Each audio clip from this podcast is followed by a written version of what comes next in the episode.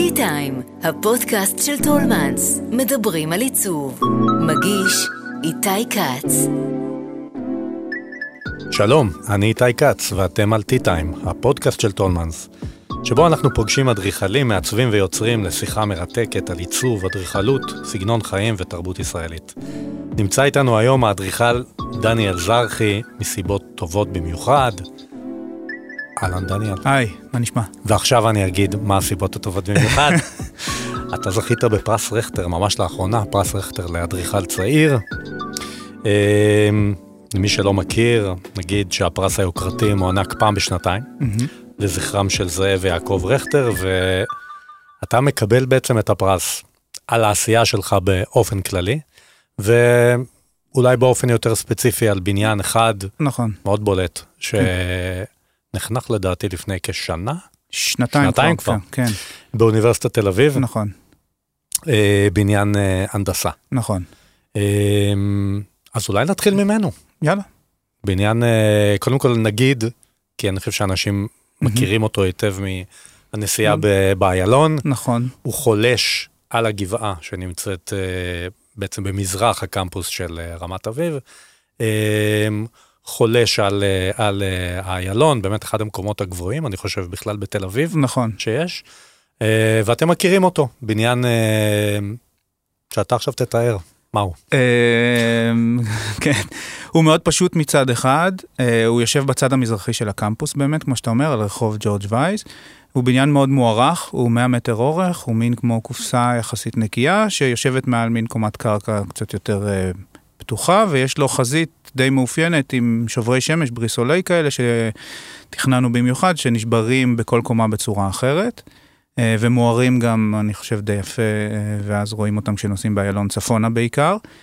אה, כן, והוא יושב בעצם על שתי קומות, למעשה שתי קומות קרקע יש לו, אחד הדברים שמייחדים אותו זה שהוא אחד מבנייני הגדר, מה שנקרא, הראשונים, אחרי הגלריה האוניברסיטאית של ברכה ומיקי חיוטין, יחד עם דן איתן, אבל 35 שנה לא יצרו בניין שנפתח ישירות אל הרחוב, וזה חלק מתוכנית האב של הקמפוס, והבניין הזה הוא באמת אפשר להיכנס אליו ישר מהרחוב, מג'ורג' וייס, וניצלנו בעצם את הפרש הגובה כדי לעשות עוד כניסה במפלס הקמפוס. אז, אה, זה בעצם ה- בקווים כלליים נקרא לזה.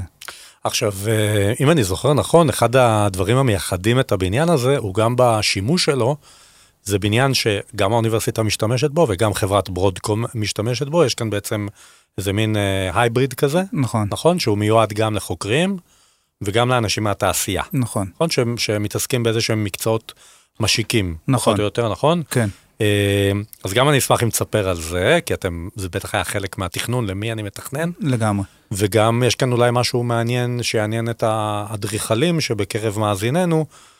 אתה בעצם עבדת כאן עם שני לקוחות למעשה? היית, נדרשת בעצם לענות על צרכים של שני קליינטים?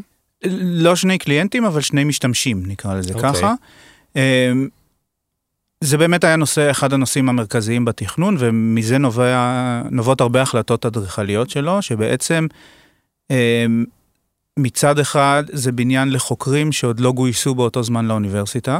אוקיי. זאת אומרת שהיינו צריכים להכין בניין שיכול לקבל את החוקרים האלה, כאשר כל אחד מהם מקבל מעבדה שהיא, חוץ מהנדלן שלה נקרא לזה, היא custom made לגמרי ולפי ראות עיניו או עיניה. חלק הקשיבו לנו יותר, חלק הקשיבו לנו פחות, אבל בגדול כל אחד קיבל מה שהוא רוצה.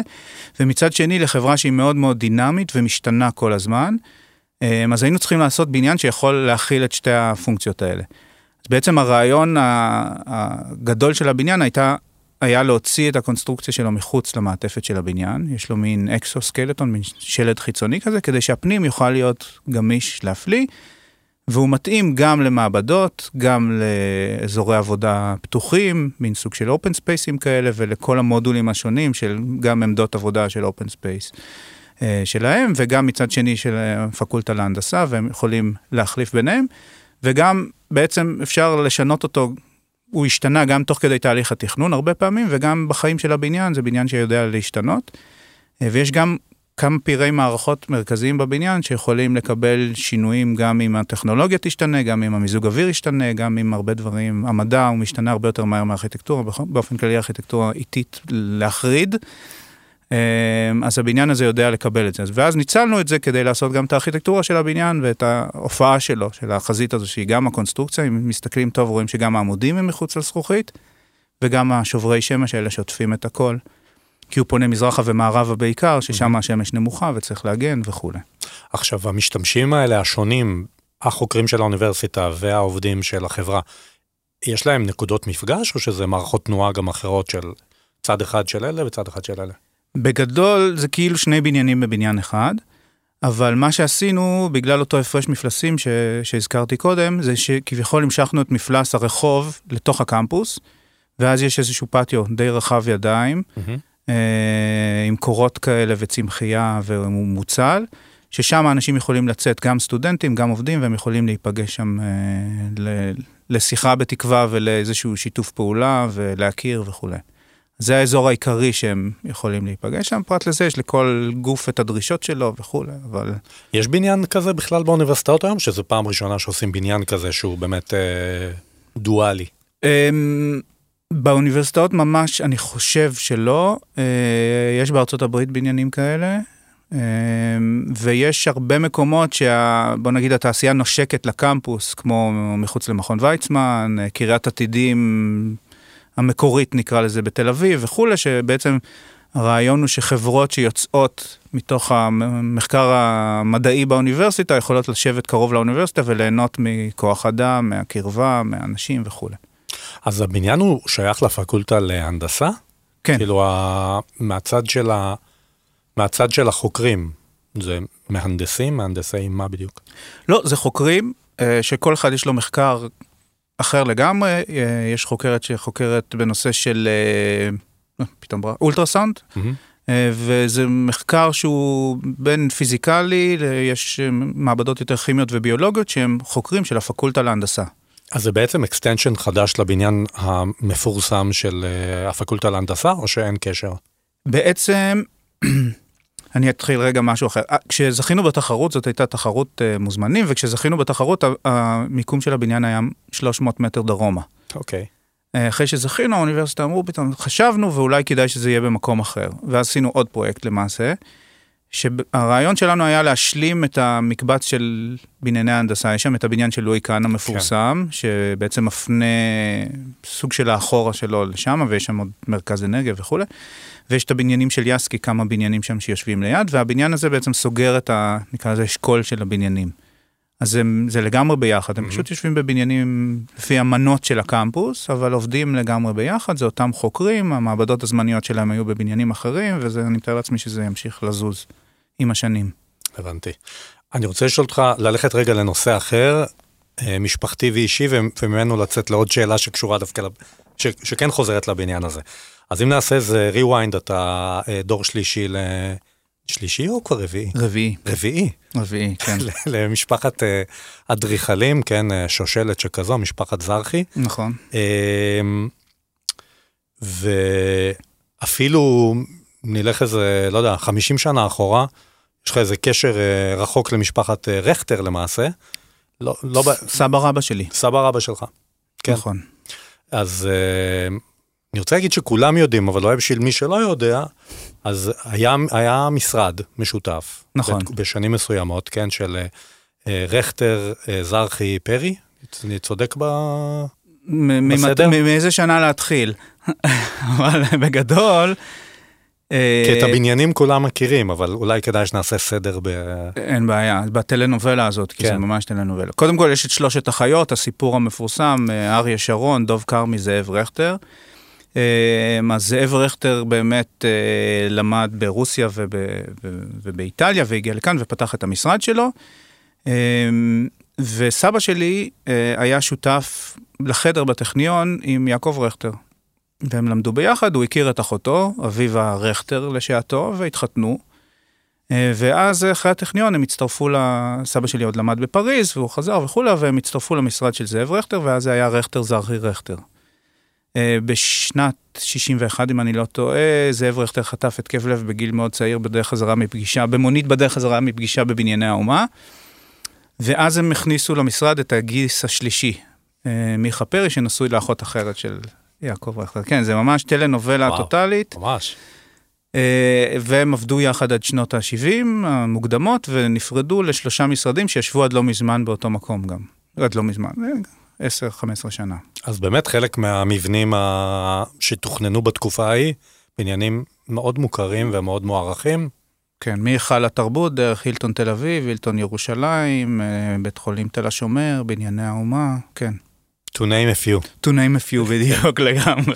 אז אה, זה חוסך לי אולי את השאלה של אה, מתי החלטת להיות אדריכל, כי אני מבין שהוסללת, נכון? לא הייתה כאן שאלה?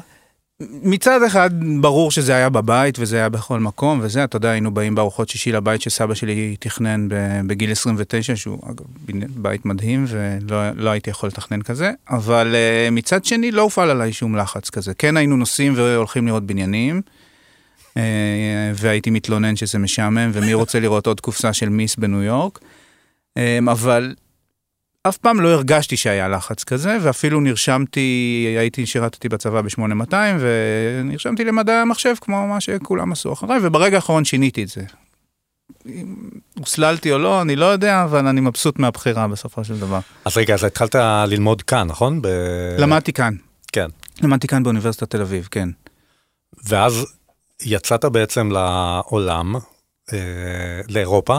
יצאתי למעשה כבר בזמן הלימודים, בסוף שנה, אני חושב שבסוף שנה ראשונה אפילו, שלחתי אפליקיישן בלי בושה בכלל, לנורמן פוסטר, רנזו פיאנו וכל מיני אחרים, ענו לי בבריטיות מנומסת שהם לא צריכים man of my expertise באותו רגע, שלא היו לי ממש expertise למען האמת, ואז נסעתי למשרד קטן ונחמד באמסטרדם, למין summer internship כזה, one architecture, אמ, והייתי שם, ואז ענו לי מ-OMA, מהמשרד של OMA, ונסעתי לראיון לשם.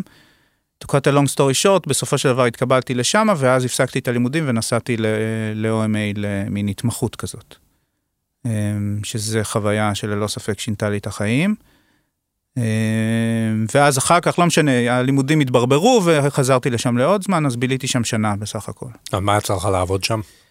יצא לי לעבוד על אף אחד מהפרויקטים שלי לא קרה, כמו הרבה פרויקטים של OMA, תמיד מבקשים מהם, אתה יודע, בית חולים במקום אחד ומציעים לך בית מלון במקום אחר. עבדתי על שני בניינים בדובאי, שלא קרו בסופו של דבר, כי הם שכרו את הלקוח להיות שותף במשרד, ותחרות לחברת גז פרום, אחד מהרעים העולמיים בסן פסקסבורג, כן. Mm-hmm. שזה גם סיפור, פוסטר היה בצוות השופטים והתפטר במחאה, ובסוף בחרו מתוך שבעה, זוכ... שישה, היו שבעה משרדים, שישה זוכי פריצקר, וזכה שביעי שאף אחד לא הכיר. אבל... אה, טוב, זאת גם הכנה טובה לאדריכלות, לא לעבוד על פרויקטים שלא יוצא מהם כלום. לגמרי, לגמרי, לגמרי. אבל זה היה חוויה מדהימה, כאילו זה היה חלום, א', הכרתי את כל S M L XL בעל פה של רם קולהאס ואת Delirious New York ו Content וכל הספרים שלו והבניינים וכולי. יצא לך לעבוד מולו, או שזה לא עובד ככה בפירמה כזאת גדולה? לא, זה, זה עובד ככה, אה, למרות שהייתי intern, אה, הפגישות יש design meetings, שזה איתו, פעם בכמה זמן, אה, הרבה גם כל מי שמעליך מדבר איתו, אבל באותה תקופה היינו שולחים לו כל סוף שבוע פקס, כי הוא היה מסתובב 300 יום בשנה בחו"ל, ושולחים פקס והוא היה מגיב בציניות ובאלגנטיות היסטרית, יש לי כמה כאלה שמורים אצלי בבית. אה, ובעיקר אתה בסביבה של אנשים מ-40 מדינות, שהארכיטקטורה זה הפשן הכי גדול שלהם, עובדים כמו מטורפים. רוטרדם זה גם עיר יחסית כביכול משעממת, למרות שלא באמת, וחיים ונושמים ארכיטקטורה. ואחרי תשע בערב אה, OMA משלמים את הארוחת ערב, אז כולם היו נשארים, כי גם לאף אחד לא היה כסף, כי אתה מרוויח נורא. בקיצור, זה היה חוויה מדהימה של אנשים שכאילו... שאתה רואה פרויקטים מכל העולם ברמה הכי גבוהה שיש, וכאילו למדתי מה זה דיזיין ממש שם, אפשר להגיד. ומתי הגעת להרצוג ודמרון? אז חזרתי לכאן בסופו של דבר, סיימתי את הלימודים, אה, ואחרי הלימודים שלחתי עוד כמה אפליקיישנס, והזמינו אותי לראיון בהרצוג דמרון, נסעתי, לי, ואחרי זה עברתי לעבוד שם, בבאזל. אוקיי, ושמה שמה במהלך, כמה זמן יצא לך להיות שם? יצא לי לעבוד שם שנה, שנה ומשהו. אוקיי. זה הכל, כן. זה הכל. אותו משרד, נזכיר, שתכנן את הספרייה הלאומית בירושלים, נכון. שנחנכה כן. לא מזמן. אמ, בניין מאוד מרשים. ושם בעצם פגשת את מי שיהיה השותף שלך למשרד שתקימו נכון. ביחד, נכון? כן, אז תספר על זה. פדרו. זה היה מצחיק, א', כי כשהגעתי לשם קצת קודם למצוא דירה וכולי, אז התקשרו אליי מ-OMA לשאול אם אני רוצה לבוא לשם, והייתי כבר בבאזל מחפש דירה, זה, זה מעניין איך ההיסטוריה הייתה נראית אחרת אם הייתי מסכים לזה. אמ, אז בעצם, כן, זאת הייתה חוויה די אחרת, גם כי עבדתי על פרויקט בשלב אחר לגמרי, detail design, והוא נבנה כמובן, כמו הרבה מהבניינים של הרצוג דה מרון, אה, unlike OMA. אה, ופדרו פשוט ישב לידי, בשולחן, אה, ממש לידי תן ב open תן space. לרגע את הקרדיט המלא, שם פדרו משפחה. פניה, פניה. הוא ספרדי במקור, מקורדובה, הוא חי בשוויץ כבר 15 שנה. אה, ולא רק זה, הוא גם גר שני בתים ממני, והתחלנו ללכת הביתה ולקשקש. שנינו אוהבים לבשל ולאכול ולשתות יין וכולי, ו- וארכיטקטורה. ואז אה, עבדנו מאוד בקרוב גם בעבודה שם, וגם עשינו שתי תחרויות אה, אחרי שעות העבודה, שזה אסור בגדול, אבל עשינו את זה, וזכינו בשתיהן. וואלה. ואז אמרנו, טוב, משהו, כאילו באותו רגע חשבנו שתוך רגע אנחנו רוג'רס ופיאנו מינימום, המציאות אה, התקדמה אחרת, כמו שאמרת, אבל, אה, אבל זה התחיל את הדבר הזה, וזה דיאלוג מדהים, כאילו, של... אמנם אנחנו במקומות שונים, תרבויות אה, דומות אבל שונות, אבל כאילו שפה מקצועית מדהימה ביחד. אז איך העבודה מתרחשת? אתם עושים off-sites איפשהו, או שאתם, מה? בגדול הרוב אונליין, עוד לפני הקורונה, אז היינו די מוכנים לזה. אה, למדנו הרבה גם על, נקרא לזה מתודולוגיות עבודה מ... מהמקומות שהיינו מהרצוג דה מרון ו... וכולי, אז יש לנו, אנחנו די מסודרים, יש מין design meetings כאלה, וכל פרויקט, אבל ברור שבפרויקטים פה אני יותר מעורב, ובפרויקטים שם הוא יותר מעורב, אבל בש... בשלבים הראשונים והשלבים החשובים של ה design, אנחנו עושים פשוט design meetings שמכינים, הצוות מכין, מדברים על זה, עושים הערות וממשיכים הלאה. וכל כמה זמן אתה על הקו אה, לשמה? לפני הקורונה הייתי כל חודש וחצי, חודשיים, בקורונה כמובן שלא, ועכשיו גם אני משתדל, משהו כזה. זה גם מרענן וגם אה, הזדמנות לפגוש גם את האנשים במשרד שם, וגם לראות דברים אחרים. אז רגע, אתה בעצם הקמת מין משרד בתוך משרד? כי אתה ממשיך לעבוד במשרד בזרחי גם, לא? זה בעצם, נקרא לזה, להיות עם אני ולהרגיש... מדמיין מין קפסולה כזאת שיושבת בתוך משרד, כאילו, ואתה נכנס לחדר ואז אתה הופך להיות מישהו אחר. אמ, יש איזו סכיזופרניה מסוימת, אבל בגדול זה, זה מין היה איזשהו structure כזה, מבנה כזה, שאפשר לי רגע גם לשים את העול המשפחתי, אני חושב, רגע בצד. בטח לנסוע לחו"ל, שזה היה מאוד חשוב מהבחינה הזאת, כי, אתה יודע, פה הלכתי לבית ספר, ואז אה, איזה מורה אמרה לי בשנה א', אל תעשה מה שאבא שלך היה עושה, ואז אני אפילו לא ידעתי מה אבא שלי היה עושה. כאילו הייתי צריך את המרחק הזה. וזה אפשר לי לעשות את זה, ועכשיו, כשאנחנו יותר, אה, בוא נגיד, established, אז לאט לאט זה כאילו, יש איזה מין מטמורפוזה כזאת.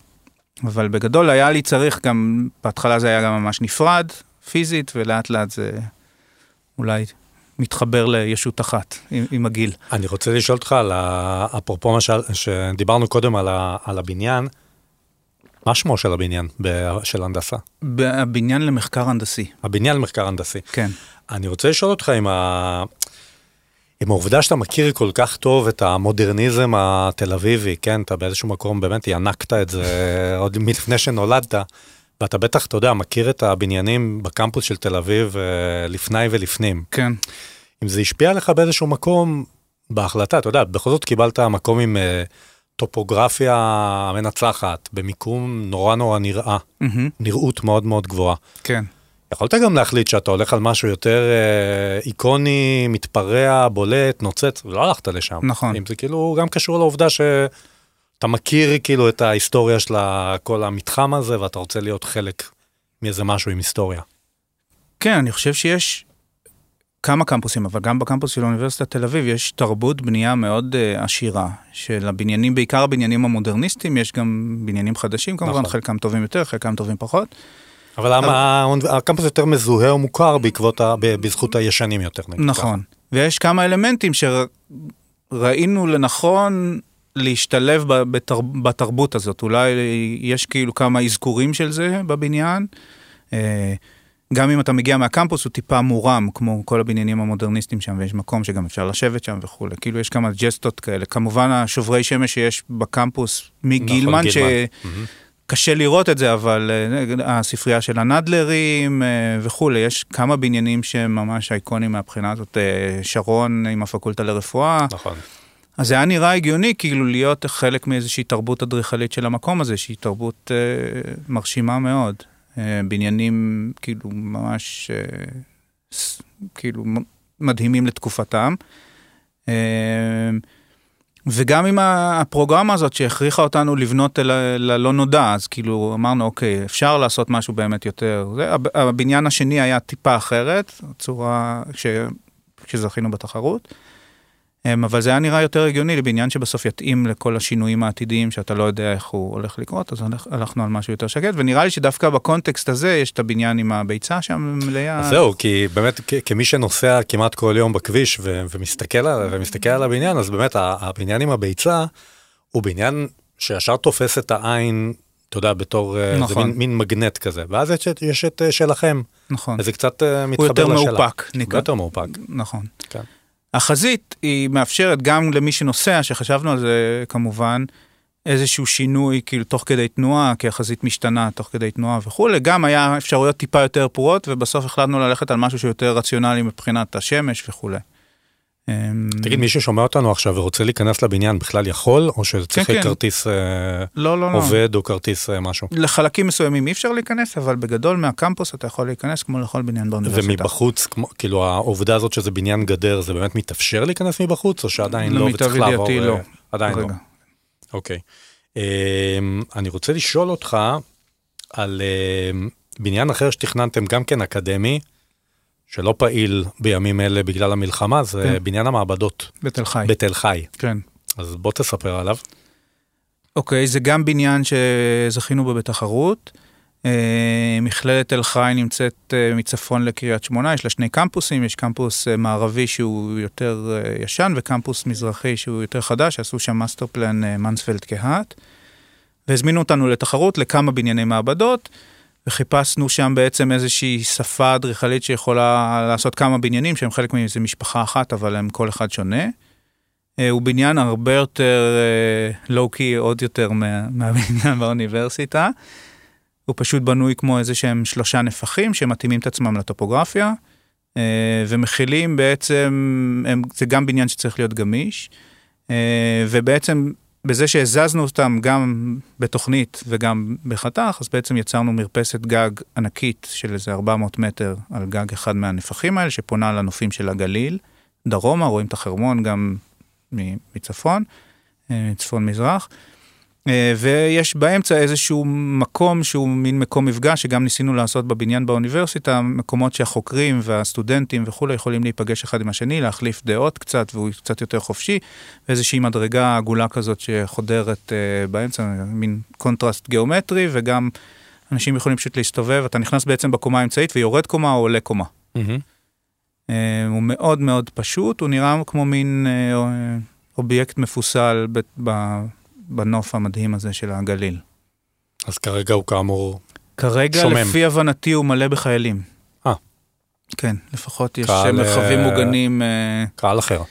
כן, קהל אחר, כן, זה די... Uh, טוב, אולי הם יעשו שימוש אחר במעבדות ממה שאתם, ממה שאתם חשבתם. כן. היכל המשפט בירושלים, mm-hmm. אני חייב לשאול אותך, זה פרויקט ענקי נכון. שאתם זכיתם בו, נכון. לדעתי לפני עשור. בדיוק עשור. אני זוכר שבאקסנט כתבנו על הזכייה שלכם. נכון. וכדרכם של תחרויות אדריכליות בישראל, זכייה לחוד מימוש פעם אחרת, אבל זה קורה? זה קורה. אה, זה נכון, זה היה ב-2014, זכינו בתחרות, היה שם איזה שלושה שלבים של התחרות, זה עוד אחרי התחרות שהייתה בכיכר, ליד כיכר החתולות, שחיוטין זכו, והפרויקט בוטל ועבר קיצור, סאגה במה של תחרויות. ונגיד שהיכל המשפט הזה אמור לאגד... את כל ערכאות המשפט, כל... פרט לעליון. פרט לעליון, לאגד נכון. את כולם, נכון. Uh, המחוזי מצד אחד, בית הדין הארצי והאזורי לעבודה מצד שני, וכל ערכאות השלום. Uh, ענק. ענק, כן, ענק. זה פרויקט מאתגר ממש. יש בבית משפט מערכות תנועה נפרדות לעצירים, לשופטים ולקהל ולעורכי דין, שהן כמובן צריכות לעבוד בתלת מימד כדי שהם לא ייפגשו אף פעם. מאוד מאוד מאוד מאוד מורכב, עם באתר בגיאומטריה מורכבת, בירושלים, עם טופוגרפיה וכל הסימבוליות שבזה. זה היה מאוד מאוד מורכב, ושם אני חושב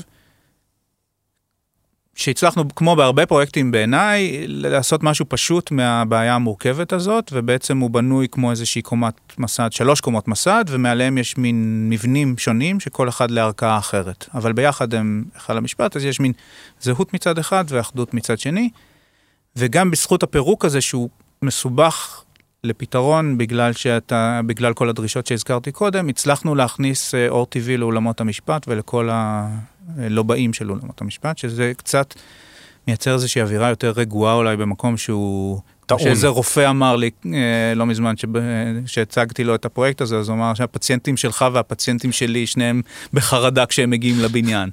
אז שם זה אולי מוריד את, ה, את החרדה. קצת אור, אוויר, אה, נוף של ירושלים וכולי. אז זה באמת זכינו, התחלפו, נדמה לי שספרנו תשעה שרי משפטים מאז. אה, הוא היה מוקפא איזה זמן, ואת האמת שממשלת השינוי, מה שנקרא, החליטה להמשיך איתו. אה, ואנחנו עכשיו עובדים על להוציא אותו למין מכרז ליזם, כי כמו כל בנייני הממשלה, אה, הם יוצאים למין מכרז BOT, שפה הדיזיין הוא מוכתב, אבל היזם יזכה, יבנה את זה, יגמור איתנו את התכנון, יבנה ויתחזק את זה ל-25 שנה. אז יש איזשהו סיכון שעכשיו תצטרכו לעשות שיפט uh, גם בדיזיין, כאילו כתוצאה מזה שנכנס יזם, או שזה מבחינתכם הנתון פתיחה ועם זה עובדים? Uh, שינינו, הבניין הזה שונה באופן משמעותי כבר פעמיים מאז שזכינו בעצם בתחרות. בהתחלה גם התב"ע, התוכנית הכללית שם של הכניסה לעיר, שונתה וירדה חתיכה מהמגרש, אז היינו צריכים לשנות את כל הבניין. אה, ומאז השתנו המון דברים, בגלל הקורונה יש פחות קהל שמגיע לאולמות המשפט, אה, יש תפיסות חדשות של השימוש באולם לעומת איפה שהשופט יושב, והשופטים מעדיפים לשבת במקום אחר לגמרי, והאולמות שלהם כמו אולם חם כזה, אז היינו צריכים שוב לשנות בעצם את, ה, את הבניין.